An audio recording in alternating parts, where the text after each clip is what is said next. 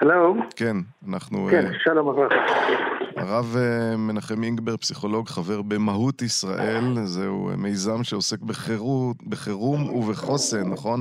אתה גם חבר נכון. בוועדת ההיגוי בפיקוד העורף, ואנחנו שומרים, שואלים בכל הימים האלה איך, איך מגינים על הילדים ועל הנוער, שומרים על הנפש שלהם, וכולנו בעצם רוצים להיות קרי רוח, והדבר בלתי אפשרי, אבל בכל זאת, מה עושים? איך מסבירים?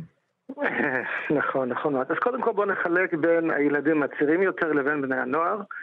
אה, גם וגם, בכל מקרה, וגם דווקא לעצמנו, אנו, אה, קור רוח זו מילה אה, עוצמתית, והיא קצת קשה באמת להשיג בימים כאלה, אבל כאשר יש לנו מקורות לכוח פנימי, משאבי כוח, שעוזרים לנו, יכול להיות שזה אמונה, אה, יכול להיות שזה עשייה, לעזור לאנשים אחרים, יכול להיות שזה אה, מוזיקה או התעמלות, אבל כאשר אנחנו שומרים על עצמנו, אנחנו יכולים בכל זאת לשמור אולי לא על קור רוח, אבל על תקווה, אה, על שגרה, שזה מאוד מאוד חשוב. אה, בקיצור, זה מתחיל איתנו, עם ההורים. זה גם לילדים צעירים וגם לילדים מבוגרים יותר. בנוסף, אה, חשוב שאנחנו נהיה מוכנים לתת מידע אה, מהימן, מידע נכון לילדים, כל אחד לפי גילו. כמובן לא צריכים לספר, לתאר את הדברים בצורה שיכולה להפחיד, אלא להעביר את המסרים לילדים קטנים בצורה כזאת, זאת אומרת שיש לנו מלחמה, וכמו שאמרנו לפני כן, אה, גם אנחנו ערוכים וגם אנחנו יודעים מה לעשות, אם יש אזעקה נכנסים למקלט או לחדר ממ"ד. כמעט בדרך אגב, אה, אם אנחנו מדי אה, נתלהב, מדי נראה את הפחד שלנו, אז הילדים גם פוחדים, כי הם חושבים שאנחנו במצב של חסר אונים. נכון. אה, למבוגרים יותר, למתבגרים, כמובן, הם יודעים ושומעים יותר ורוצים לדעת יותר, אבל גם להם לשמור מהצפה, וגם לנו. המוח שלנו עובד בצורה כזאת שכאשר אנחנו נחשפים לדברים בראייה, בשמיעה, אפילו אם אנחנו מדברים על דברים מאוד הרבה, המוח אומר, וואו, זה קורה עכשיו. אז אנחנו יכולים לדבר על אה, אזעקה או על אה, מחבל אה, של חדר, או אפילו על דברים יותר קשים כמו אה, מוות או כאלה. אם אנחנו אומרים את זה עשר פעמים, עשרים פעמים, שומעים את זה שוב ושוב, המוח נכנס למצב של עוררות יתר והיכון שהוא לא מתאים לעכשיו.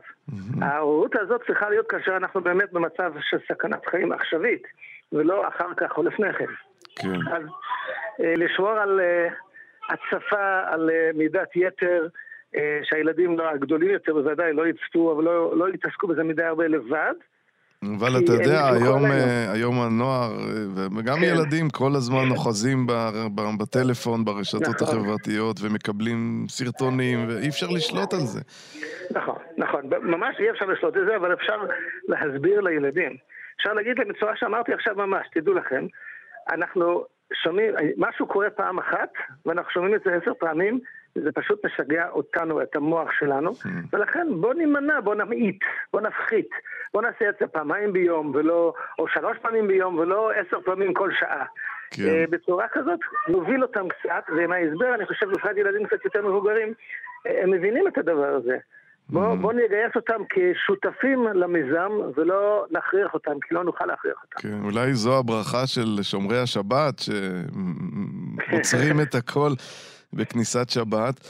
אבל אנחנו. יודעים שבכל בית יש דאגה גדולה אה, היום, ופחות או יותר כולם מחוברים למשהו שייתן להם מידע, חלילה כן. במקרה חירום. אה, כרב, אנחנו מגיעים לשבת קודש, אה, אה, סעודות שבת. על מה כדאי לדבר, אולי איך להרגיע את היושבים סביב שולחן השבת, אוקיי. לקראת השבת הקדושה הזו טובה. שמגיעה, שבת בראשית. כן, שבת ראשית. שאלה טובה, רק אני רוצה, לפני שאני אתייחס דווקא לזה, אמרת לפני כן שהשבת עוזרת לנו כי אנחנו מתנתקים ליום. יש ערך מאוד מאוד חשוב בכל החיים לאפס את המחשב שלנו האישי. אז גם בלי מצב חירום, עצם העובדה שבשבת אנחנו עוצרים, לא מתעסקים במלאכות, יושבים שם ביחד כמשפחה, יש לזה ערך פסיכולוגי ונוירולוגי אדיר. אה, ו- ו- ולכן, זה, זה לכן. אנחנו עושים את זה כי הקדוש ברוך הוא ציווה עלינו, כך הוא ברא את העולם, אבל יש לנו ערך מוסף ממש ממש אה, מיוחד. לגבי מה לעשות בשבת, על מה להתעסק בשבת ואיך, אז קודם כל, אני חושב שפרשת בראשית היא ממש מתאימה, כי בפרשת בראשית יש את השילוב הזה, במקום שהקדוש ברוך הוא התחיל את התורה ב... את כל המצוות שיש, או כמו שרש"י אומר ביציאת מצרים שאז נהיינו עם, זה מתחיל בזה שכל מה שקורה, הזריחה, השקיעה, הארץ, הימים, הכל נעשה מאת הקדוש ברוך הוא. ואם הוא עושה את זה, אז יש לו תוכנית על, ואנחנו יכולים לסמוך עליו, כמו שילד סומך על אבא שלו. Hmm. בנוסף, אנחנו נדבר על דברי, דברי אמונה, על סיפורי גבורה, על דברים שמעודדים את רוחנו. גם באופן אישי, כשבן אדם יש לו מת בשבת, נפטר בשבת, אנחנו לא מתעסקים באבל בשבת עצמו, אבל אנחנו מתעסקים בדברים מסביב. הזיכרונות הטובים שלהם זה באמצע השבעה, דברים יפים שלמדנו, שעשינו. גם פה יש הרבה הרבה סיפורי גבורה, יש הרבה תקווה, יש סיפורים על העבר של כלל ישראל, זה איך שעמדנו בכל מיני ניסיונות. גם השירים, מעבר לשירי שבת, יש שירים של אמונה, של התחזקות, אני מאמין, אחינו קודמי בית ישראל, אבל לא לפספס את הסדר הרגיל. זאת אומרת, כן לאכול רגיל, כן לשיר דמרות שבת הרגילים גם כן, כי הרצף מאוד מאוד חשוב.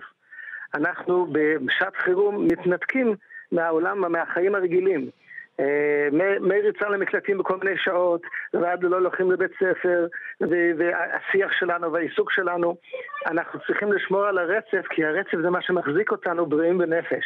אז לכן הקטע, הקטעים שיש לנו כן, לשבת, להשאיר זמירות שבת, אה, לאכול את המאכלים הרגילים, אה, גם הדברים הרגילים, לשמור עליהם תוך כדי התוספת של סיפורי גבורה, אמונה, שירי חיזוק וכן הלאה. כן. חיזקת אותנו, ואנחנו אה, נמשיך ונשוחח איתך גם בתוכניות הבאות. הרב, הפסיכולוג מנחם אינגבר, תודה רבה לך. שאז, אני מקווה שאז נשוחח על טובים. חינוך mm. וחיזוק וכל מיני דברים, אה, אתה יודע, להשיג את המקסימום שלנו ולא מתוך אה, מצוקה. נכון. שבת שלום. שבת שלום, כל טוב.